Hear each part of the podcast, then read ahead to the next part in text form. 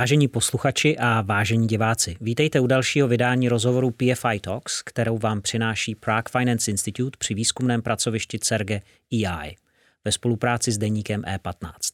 Původně jsme se měli společně setkat na výroční konferenci v prostorách České národní banky, ta se ale kvůli epidemické situaci bohužel nemůže konat. Proto vám alespoň touto formou postupně zprostředkováváme setkání s osobnostmi, jež měli na akci vystoupit. Moje jméno je Leoš Rousek a je mi ctí zde dnes přivítat Karla Horáka, CEO Home Credit Bank Kazachstán, která patří do stejnomené skupiny splátkové společnosti v České republice. Všem na začátku těchto rozhovorů a jsem velmi rád, že jste si našel čas a vážil jste sem cestu z dalekého Kazachstánu, byť vím, že jste přijel na svátky za rodinou a podobně. A kladu stejné otázky a ty se týkají samozřejmě tohoto pandemického roku. Kde byl ten první okamžik, kdy jste si letos v zimě, řekněte mi, kdy to k vám dorazilo do Kazachstánu, uvědomil, že něco bude úplně jinak?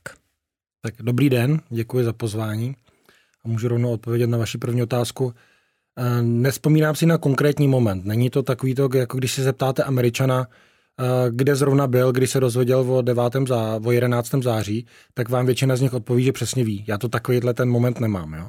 Ale vzpomínám si, že jsme se o tom začali poprvé bavit někdy v lednu, protože tím, že naše skupina má docela velký biznis i v Číně, tak automaticky jsme se o tom začali zajímat a začali jsme uvažovat o tom, jak, jaký by to mohlo mít dopad na ostatní, na ostatní operace.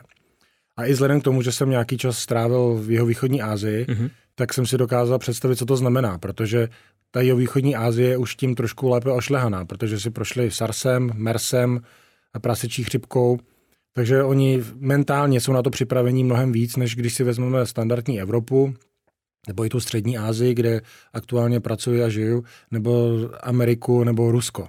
Mm-hmm. Takže samozřejmě jsme se o tom začali bavit a říkali jsme si, co kdyby, jak kdyby. Ale je fakt, že standardní lidská mysl je nastavená tak, že dokud to nepřijde, tak si to naplno, ne, naplno neuvědomíte. Jasně. Takže my jsme... Ale počítali jste s tím, že by to mohlo dorazit? Počítali jsme s tím, že by to mohlo samozřejmě dorazit, to jsme se bavili a myslím si, že tím, že vnímáme, že naší velkou konkurenční výhodou je třeba eh, risk management, schopnost řízení rizik, mm-hmm tak uh, jsme už říkali, jak, jakým způsobem bychom se na to měli připravit. Protože uh, když vezmete standardní ekonomický cyklus, tak je to fakti, fakticky eh, doba od krize ke krizi. Mm-hmm. A tím, že už naše, ta, naše skupina působí v, v biznisu spousty let, tak už jsme si těch krizí docela dost prošli. A když vezmu konkrétně, tak Rusko si prošlo dvěma výraznými krizemi ekonomickými. Takže ty, jako ty poučení, vědět, co se stane, a jak na to zareagovat. Není to nikdy tak, že byste mohl vzít minulou skutečnost a znalost a aplikovat ji automaticky, ale už nějaká ostražitost a očekávání, anticipace toho, co se může stát a jak na to zareagovat, nebo mm, vytvořit nějaké prevenční opatření, už u nás je. A byli jste třeba už od začátku připraveni až na možnost lockdownu, nebo tomu jste se museli přizpůsobit postupně? to jsme se museli přizpůsobit postupně. Myslím si, že nikdo si fakt nedokázal představit, že to udeří takhle, takhle silně.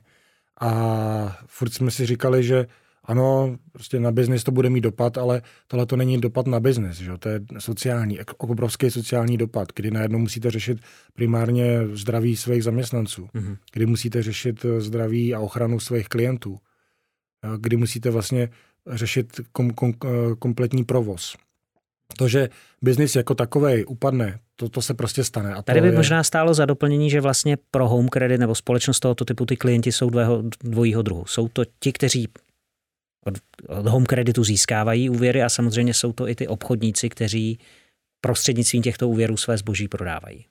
Je to tak, přesně tak. Takže my vlastně jedeme jak B2C a tak B2B. A nicméně ještě v v Kazachstánu tím, že máme plnou bankovní licenci, tak my vlastně působíme nejenom jako, řeknu, český home credit, ale zároveň i můžeme vlastně fungovat a poskytovat platební uh, služby, můžeme sbírat uh, uh, depozita tak, nebo vklady od, od klientů, uh, můžeme vlastně poskytovat kompletní bankovní služby. Tam není, nejsou žádná omezení. Takže v tuhle chvíli to není jenom to o tom, že eh, my bychom začali, no, přestali na nějakou dobu vydávat půjčky, což se klidně může stát. Jako kdy ve chvíli, kdy to prostě zavřou, tak přestanete vydávat půjčky fyzicky. Ale u nás je to, je to o tom, že ty klienti u nás mají třeba vložené peníze a ty peníze musí být neustále dostupné. Mm-hmm. Takže ta naše zodpovědnost je ještě o to, o to širší, o to větší, protože tím, že nabí, nabízíme fakt široké spektrum těch bankovních služeb, tak hod musíme být k dispozici i ve chvíli, kdy se řekne a teď se všechno zavírá. Takže jste se pomocí eh, metod, metod eh, řízení rizik postupně připravili na to, co přijde, ale pak jste stejně museli dál improvizovat. Myslíte si, že eh, z těch změn, který, kterými jste si museli projít, které do určité míry hodně změnily naše chování i jednání, jednání v biznisu, že tu zůstanou, nebo naopak se svět vrátí do svých předpandemických starých kolejí? Eh, no, možná spíš bych se zeptal, co to jsou staré koleje, jo? protože kdybychom byli ve starých kolejích, tak bychom ještě možná žili v jeskyních. To řekl bych, že je součást standardního vývoje. Jo? To, že eh, na Zem spadnul meteorit a nastala doba ledová, to taky nikdo neočekával, neplánoval. Takže to je hold o tom, že se musíme přizpůsobit nové realitě. To není tak, že bychom jako všichni říkali, je, ať už to skončí, budeme si žít tak, jak jsme žili předtím. Samozřejmě plno lidí by to přálo, ale myslím si, že to není eh, reálné nebo realistické. Že se prostě jednoduše budeme muset přizpůsobit té nové době a to, že budou eh, nejenom lidé, ale zároveň i vlády a plno ekonomických subjektů budou mnohem ostražitější. Jo. A to, že se dneska naučili ten biznis dělat nejenom tak, že se budou potkávat eh, z oka do oka s klientem, tváří tvář, jasně. tváří tvář s klientem, tak to prostě nikdo nezahodí a najednou si neřekne, je, já se s nimi zase chci potkávat, protože tím, že dlouhodobě, třeba když se vrátím konkrétně na, naš, k naší skupině, tak my dlouhodobě se zaměřujeme na to, abychom dokázali těm našim klientům poskytovat řešení digitálně, bez toho, aniž bychom mm-hmm. s nimi museli mít přímý kontakt. A díky tomu si myslím, že jsme třeba tady tu konkrétní, eh, tady to konkrétní období zvládli celkem slušně, protože eh, my jsme do té digitalizace investovali dlouhodobě přes mm-hmm. všechny země.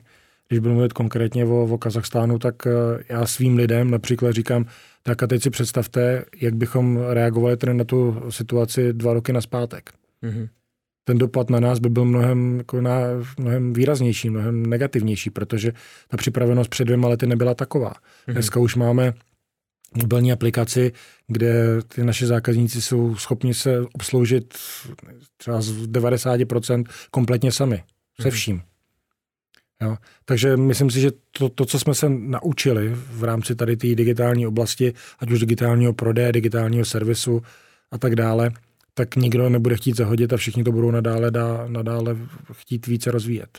Kolik lidí eh, třeba před dvěma lety používalo, používalo nebo využívali eh, nabídku vlastních poboček eh, Home Credit Bank Kazachstán a kolik lidí dnes? Před dvěma lety se budeme bavit o nějakých 98-99%. Ten, ten dosah byl jako minimální. Jo. Dneska, když se podívám na ty čísla, teď si zkusím vzpomenout na konkrétnější, a já jsem to zase uh, nedávno svým lidem uváděl v nějakých příkladech, uh, vezmu, že každý měsíc naší mobilní aplikaci použije milion dvěstě tisíc lidí. Co když vezmu ekonomicky aktivní obyvatelstvo v Kazachstánu, tak je to každý desátý. A když vezmu na denní bázi, což je pro nás ještě důležitější metrika, tak 1% eh, nebo každý z Kazachstánec použije denně naší mobilní aplikaci. Jenom proto, aby zkontroloval, jestli tam najde nějakou správnou nabídku, nebo už uzavře i ten obchod? Vlastně? No tak tím, že už vlastně my nabízíme ty bankovní servisy, bankovní služby a platební služby vydáváme debetní karty, kreditní karty, přes naší mobilní aplikaci se dá směňovat mezi měnami, mm-hmm. a dá se platit za komunální služby, dá se platit za plno dalších služeb, dá se dobíjet uh, mobilní, mobilní účet přes to a tak dále. Takže jako ta uh, uživatelnost, té naší užitečnost. aplikace, užitečnost je vel, velmi dobrá. Proto se tam ty lidi vrací, protože to standardně používají na převody mezi svými účty na platby jiným, jiným eh, na, na jiné karty a tak dále. Takže jste se stali, nebo v Kazachstánu je Home Credit Bank Kazachstán mobilní bankou? Ano. Mohl, mohla by existovat už bez poboček? Nemohla. Nemohla ani nechceme, protože si myslím, že ve chvíli, kdy se budeme, kdy budeme mířit jenom na ty připravené, který jsou schopni žít jenom digitálním životem, tak uh, je to hrozně omezující. A i ten člověk, který je uh, digitálně inteligentní, abych tak řekl, zdatný, zdatný děkuji, tak stejně bude chtít občas jako si zajít na tu pobočku, anebo bohužel kolikrát ta legislativa tomu ani nenahrává. Ve chvíli, kdy potřebujete dostat, uh, v ruštině tomu říkají správka, nějaké Jasně. potvrzení o třeba bezlužnosti, tak jsou uh, úřady, které vám nevezmu, aniž by na tom bylo červené razítko. A to červené razítko digitálně jednoduše nevytvoříte. Takže v tu chvíli prostě jednoduše musí přijít na tu pobočku, tak aby opravdu dostal to červené razítko a mohl s příslušným dokumentem dojít zatím, eh, zatím nebo na ten úřad. Jaká je míra uh, penetrace hotovosti v rámci všech transakcí v Kazachstánu? Ze své historie, kdy jsem působil v Rusku, si pamatuju, ale to už je opravdu dávno, uh, tak byla velmi vysoká. Nicméně od té doby se situace i v Rusku, i v, i v Kazachstánu hodně změnila.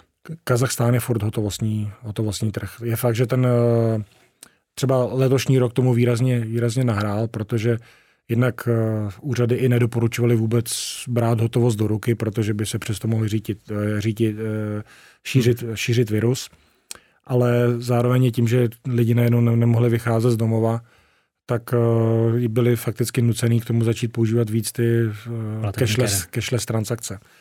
A ale furt se bavíme o tom, že to není rozhodně víc než 50%. Jo. Hmm. Vlastně v těch, v těch náročných dobách to fakt bylo tak, že Evropa nebo Spojené státy jsou tady v tom mnohem, mnohem dál.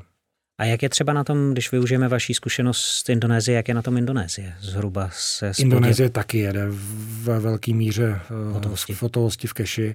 Uh, tam je to ještě daný tím, že ta ekonomika je do, v mnoha oblastech je šedá, mm-hmm. že tím, že se to vlastně vyměňují ty peníze vyloženě v hotovosti, tak nikdo nevez, nebere žádný uh, žádný záznamy o tom, jak se ta hotovost pohybuje a ve chvíli, v tu chvíli se z toho nemusí platit přímo daně. Jasně. Takže... A ještě poslední otázku k tomuto úvodnímu tématu. Co je vaším největším poučením po ekonomické stránce z pandemie a v jejího vývoje? Uh, abych řekl, pionýrské buď vždy připraven. Protože uh, myslím si, že tady, ta, tady to období nás naučilo, že nikdy nemůžeš vědět, co bude za týden, co bude za 14 dní, protože ta situace se tak rychle vyvíjela a ta opatření byla uváděna, řekl bych, tak rychle a někdy více nebo méně populisticky, takže musí, musíte být připraven víceméně na všechno. A kombinovat to, že najednou se snažíte stabilizovat uh, vaší firmu nebo váš biznis a zároveň do toho musíte chránit uh, vaše zaměstnance, protože za ně cítíte zodpovědnost a musíte nabídnout ty patřičná řešení uh, vašim klientům, tak to je najednou tak komplexní rovnice, že opravdu to zabírá strašně času, nervů, zdrojů a tak dále. Takže být připraven na to. Mnohem víc připraven než, než v minulosti, protože připraven musíte už ze své funkce být vždy. To jo, ale když si vezmete, tak třeba v loňském roce, když se plánovalo strategicky, tak se plánovalo třeba na rok, na dva, na tři dopředu a najednou vy jste musel jako reagovat víceméně přes noc. Mm-hmm. A i vzhledem k tomu, že eh, třeba regulátor začal uvádět v život nějaká, nějaká nová nařízení, která platí od druhého dne rána, tak ta akceschopnost musí být, musí být velmi, velmi rychlá. Jo. Mm-hmm. Čili jste měli i nějaké mm, noční hovory s ostatními kolegy v práci, abyste se připravili na náhlou změnu regulace? Měli jsme noční i třeba o víkendu, protože tím, že v, chvíli, kdy ta pandemie udeřila poprvé, tak i regulátor pracoval o víkendu, takže jsme měli fakt v sobota, neděle, neustále jsme řešili, jak tady ta nová regulace na nás bude mít vliv, mm-hmm. nebo jaký vliv na nás bude mít a zároveň jakým způsobem to dokážeme ošetřit, tak abychom byli vlastně v souladu s tou novou regulací, ale zároveň abychom třeba neomezili pohyb našich lidí nebo, nebo našich klientů. Hmm. Teď už bych se eh, věnoval těm otázkám, které se konkrétně týkají biznisu eh, Home Credit Bank Kazachstán a to je, jaká opatření v této středoazijské zemi byla proti šíření COVID eh, nebo choroby COVID-19 zavedena. Jaké, jaké byly lockdowny? Co jste mohli dělat? Co jste mohli dělat ve volném čase? Eh, tak Kazachstánu si prožil víceméně dva lockdowny. Ten mhm. první začal tak jako, řekl bych, Rusko i Evropa někdy v druhé polovině března. Uh-huh. Trval tři měsíce, takže zhruba do půlky června. Pak se ty opatření rozvolnila, ale bohužel ty, ta incidence velmi rychle zrostla, takže vláda velmi rychle zavedla nový lockdown, který začal na začátku července a trval dalších šest týdnů. Takže vlastně ten druhý lockdown doběhl až někdy v polovině srpna a potom vláda velmi opatrně uvolňovala opatření, kdy dneska reaguje, řekl bych, velmi obezřetně a zavádí opatření pouze na lokální bázi ve chvíli, kdy vidí, že v nějaké oblasti nebo v nějakém mm. městě se incidence zvedla, tak eh, vlastně zavede ty opatření velmi cíleně. Není to tak, že by zaváděla nějaká, nějaká plošná opatření na, na, celou, na celou zemi.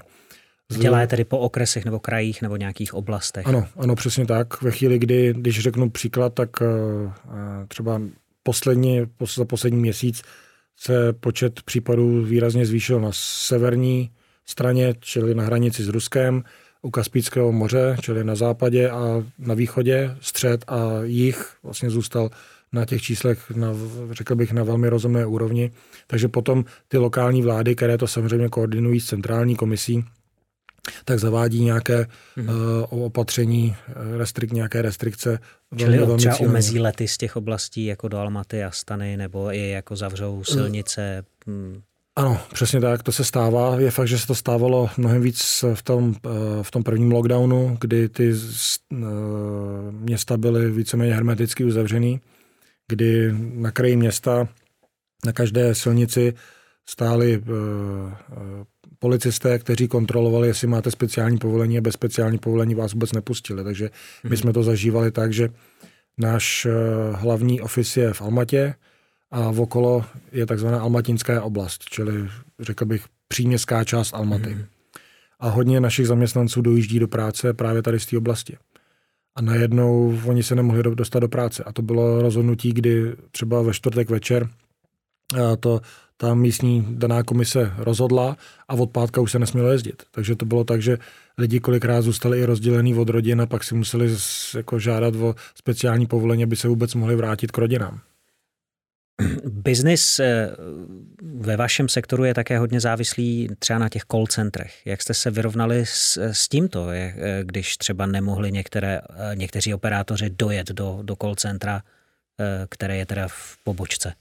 Museli jsme velmi rychle reagovat, protože uh, najednou díky tomu, uh, díky té nové situaci se počet hovorů celkem výrazně zvýšil my jsme najednou neměli operátory, kteří by seděli v tom call centru a byli připraveni. Naštěstí jsme velmi rychle zareagovali a během týdne, 14 dnů jsme dokázali naše lidi, kteří byli doma, tak jsme je dokázali vybavit jak hardwareově, tak softwarově nástroje, tak aby byli schopni pracovat naplno z domova.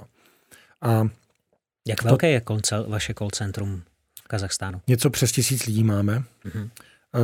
rozdělení do několika dalších eh, jednotek nebo do několika dalších pododdělení.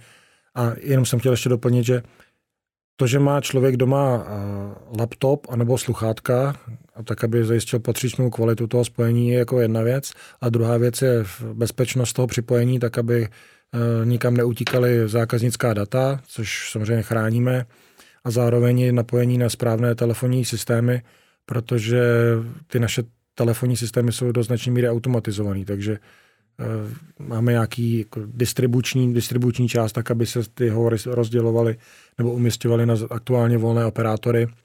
Zároveň my, když my proaktivně voláme, tak aby tam nebyla žádná časová prodleva, aby ten vlastně operátor měl neustále někoho, komu může dále, komu může dále zavolat. Takže Eh, kombinace a koordinace právě vybavení hardwareového a softwarového, softwarového bylo jako velmi rychlý a myslím si, že zrovna v tomhle tom jsme uspěli.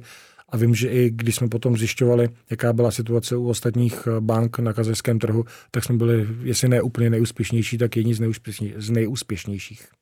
Kolik jste takhle obrazně řečeno těch operátorských minicenter přestěhovali do obývacích pokojů nebo jiných částí bytu vašich zaměstnanců? Myslím si, že během těch 14 dnů jsme se dostali třeba na nějakých 50%, takže 500 lidí najednou bylo schopno pracovat z domova.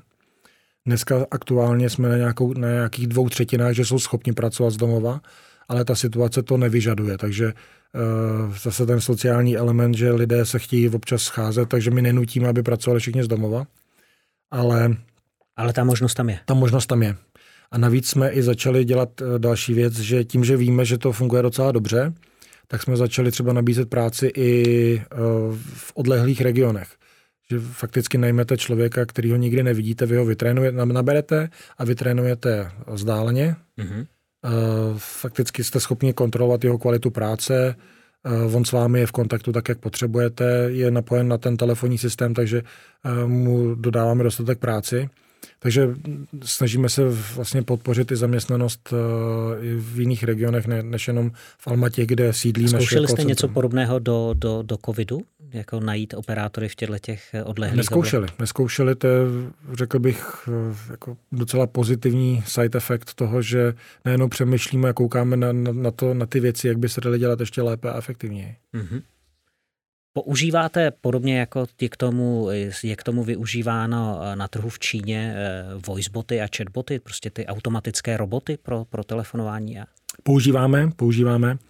A samozřejmě nám to také pomáhá s tím, abychom ve chvíli, kdy jsme v určitým období neměli dostatek operátorů, tak abychom dokázali obsloužit ty naše zákazníky. Takže používáme voiceboty, Kazachstán je trošku specifický v tom, že tam jsou dva úřední jazyky. Máme tam mhm. kazaštinu a máme tam ruštinu.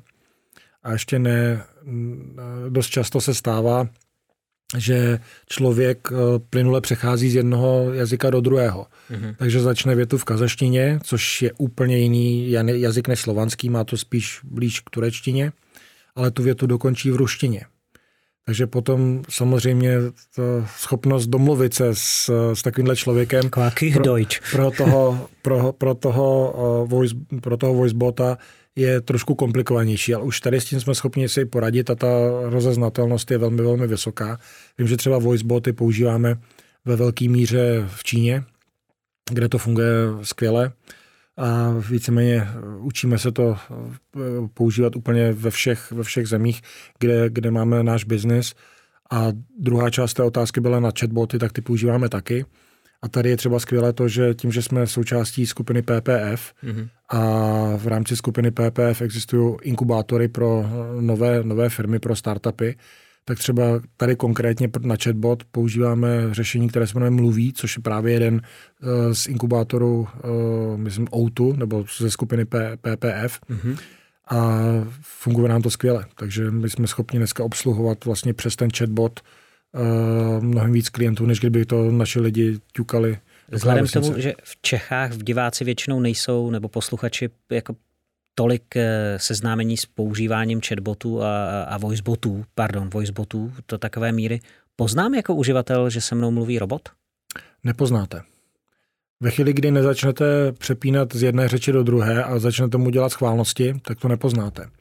Dneska ta kvalita té komunikace je velmi, velmi vysoká a už to není tak, že když jste volal na nějaké call centrum před deseti lety a tam se vám ozvalo vaše balance je 3 252 korun, nic takového už neexistuje. Dneska dostanete komplexní informaci a fakticky ve chvíli, kdy byste na to neměl vyloženě trénované ucho, tak nepoznáte, že nemluvíte s živým člověkem, ale že mluvíte s robotem, který vás obslouží ve velmi jako vysoké kvalitě. A víme i, když měříme takzvané MPS, neboli zákaznickou spokojenost, tak vidíme, že tam nejsou rozdíly mezi živým a živým operátorem a tím voicebotem. Takže úroveň toho servisu je velmi, velmi vysoká.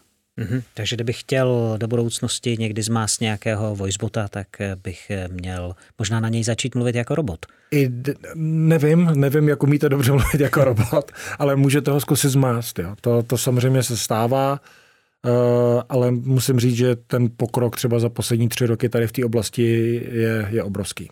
Mm-hmm.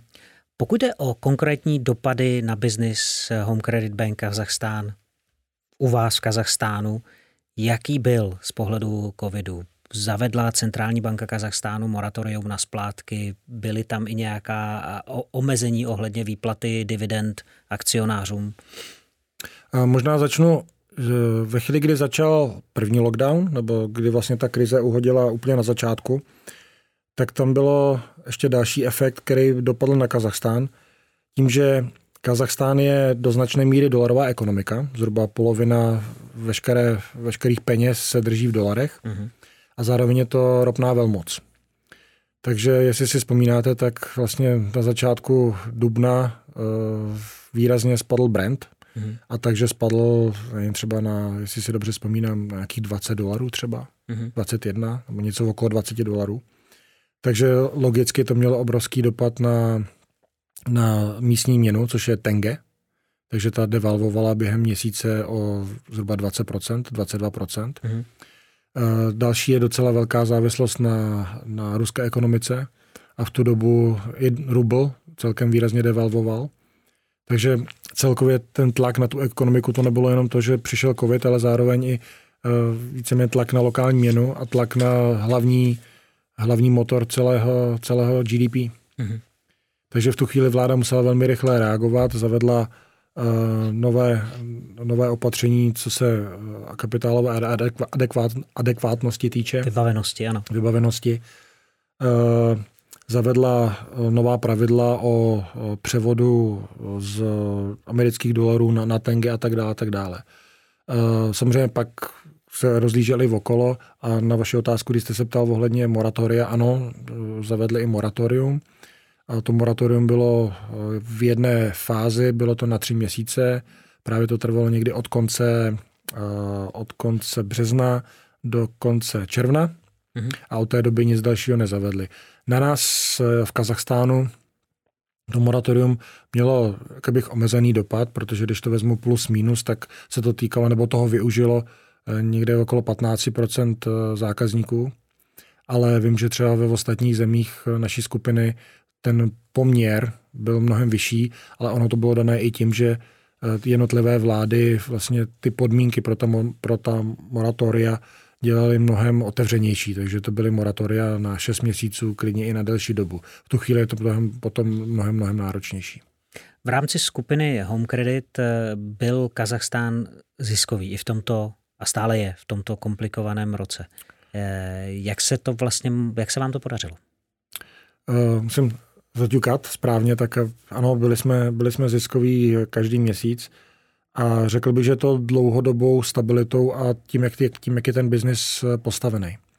Protože nejsme úplně uh, zvyklí dělat nějaký extra velký výkyvy a stabilita toho biznisu je dlouhodobá. My jsme dlouhodobě prokazovali velmi, velmi dobrou profitabilitu a i třeba na tom kazašském bankovním trhu jsme byli vnímáni jako ti, kdo ten biznis dělají správně a dlouhodobě udržitelně. Takže jsme se nikdy nepouštěli do nějakých eh, vysoce rizikových eh, operací nebo do nějakých vysoce rizikových aktivit a celkově to bylo zastabilizované. Takže i třeba fundingové portfolio máme velmi, velmi diverzifikované a v tu chvíli eh, dopad nebo krátkodobý dopad na, na, na vlastně vaší fundingovou bázi je velmi dobře ří, řízený. Mhm. Samozřejmě na začátku, ve chvíli, kdy uh, tenge velmi devalvovalo, tak tam nějaký tlak byl, primárně ze strany korporátních klientů, ale velmi dobře jsme to zvládli a víceméně ta, ta stabilita potom byla velmi, velmi vysoká a naše likvidita byla na úrovni, kde nikdy předtím nebyla. Z pohledu spotřebitelského úvěrování, nakolik eh, na vás dopadlo to zavření obchodů a nakolik jste to byli možné, jste to dokázali kompenzovat eh, nabídkou spotřebitelských úvěrů v digitálním nebo v e-commerce? Se možná vrátím k jedné z odpovědí, kterou jsem zmínil před chvílí, že ten náš biznis není čistě jenom o půjčkách. My mm-hmm. fakt jsme vlastně retailová banka, která nabízí docela široké portfolio našich produktů a služeb. Takže uh, dopad na úvěry jako takové byl, řekl bych, ze dvou směrů. První je ten organický, tím, že uh, najednou zavřeli obchody, uh, zavřeli nám bankovní pobočky, tak prostě určitý počet klientů jednoduše nepřicházel, nenakupovali si ledničky, nenakupovali si mobilní telefony a tak podobně. Takže v tu chvíli nebyl, nebyla ani taková poptávka po úvěrech.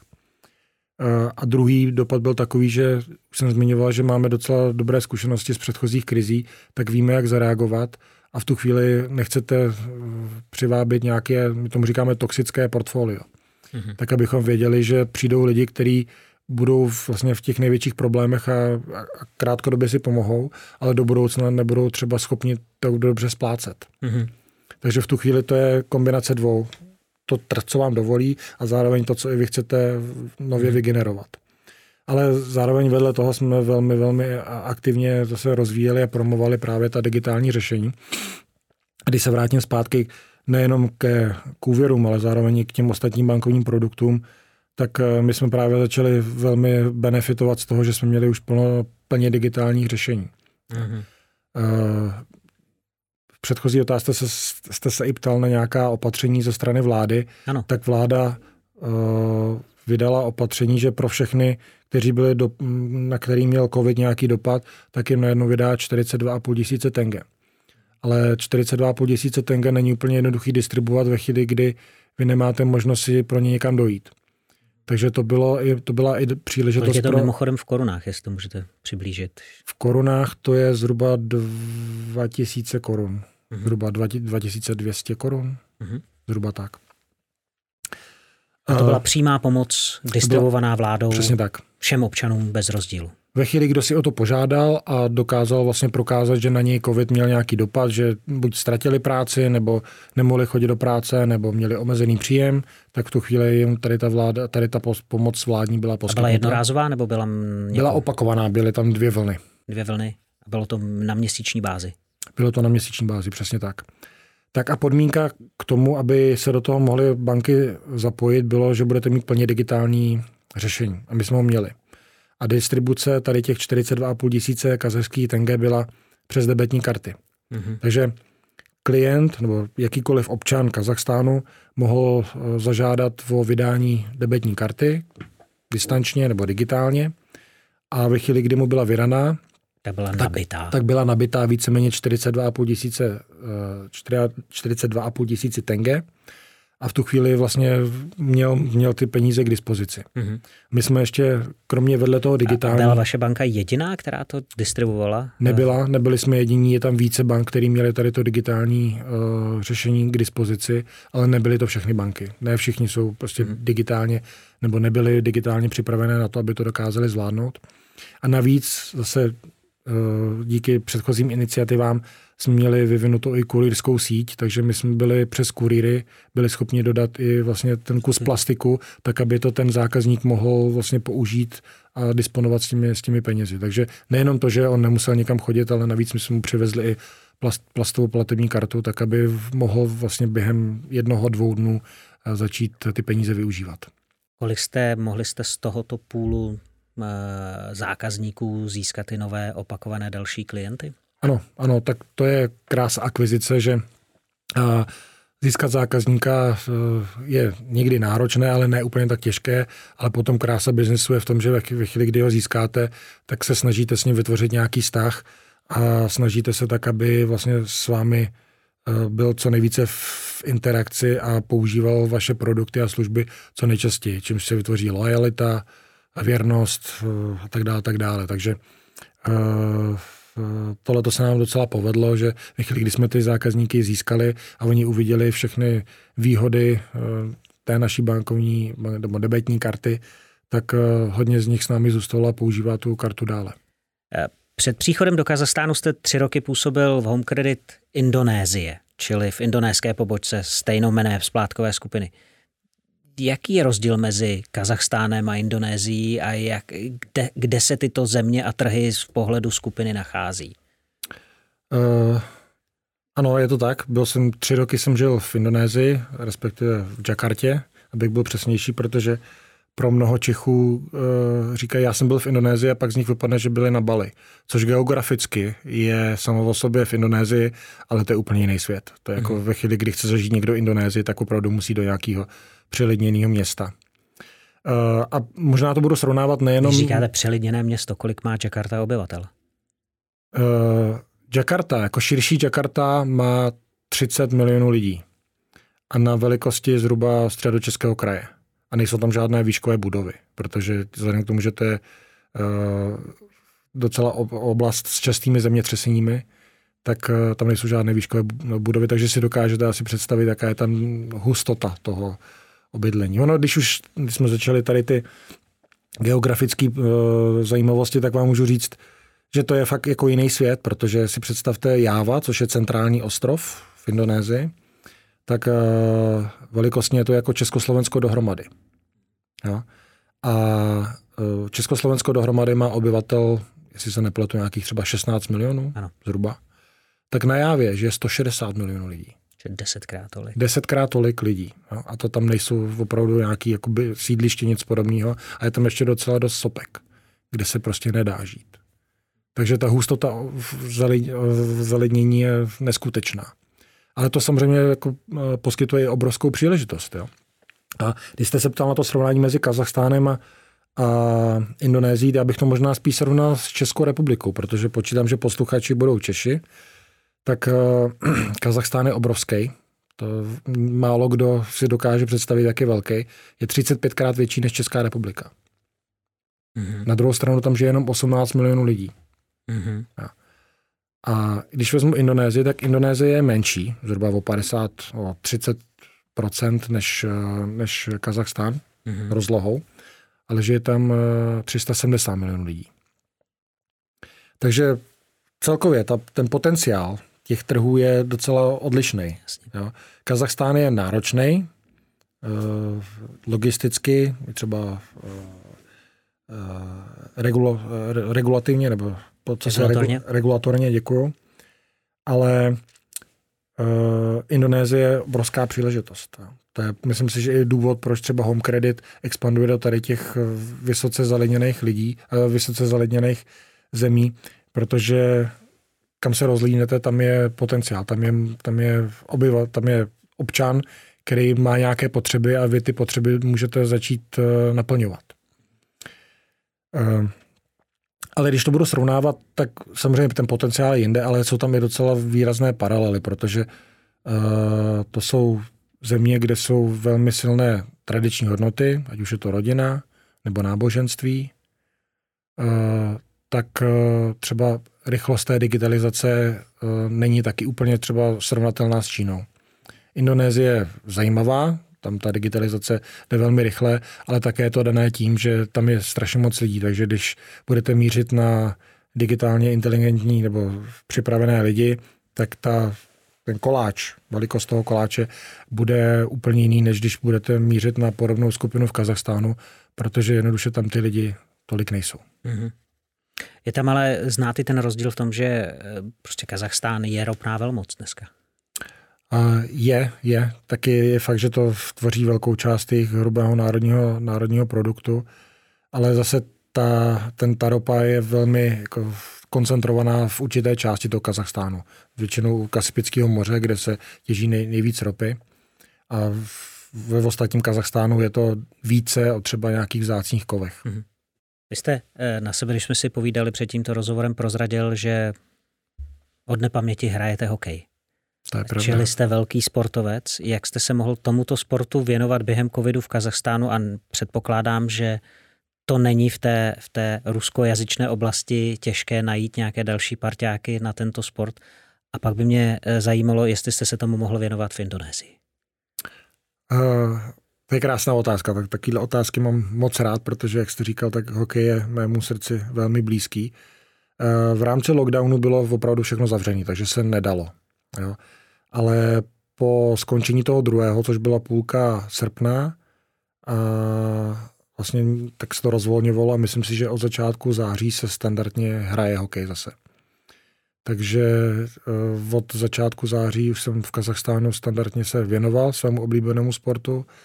A když se vrátím, jak jsem sportoval třeba v rámci toho prvního lockdownu, tak já moc nemám rád běh, ale byl to víceméně jediný typ sportu, který jsem mohl provozovat ale když máte omezení, že se nesmíte zdálit jeden víc, více než 1,5 kilometru od, od domu, tak potom si jako tak uděláte perimetr, kam tak můžete doběhnout, abyste z toho nevyběhl.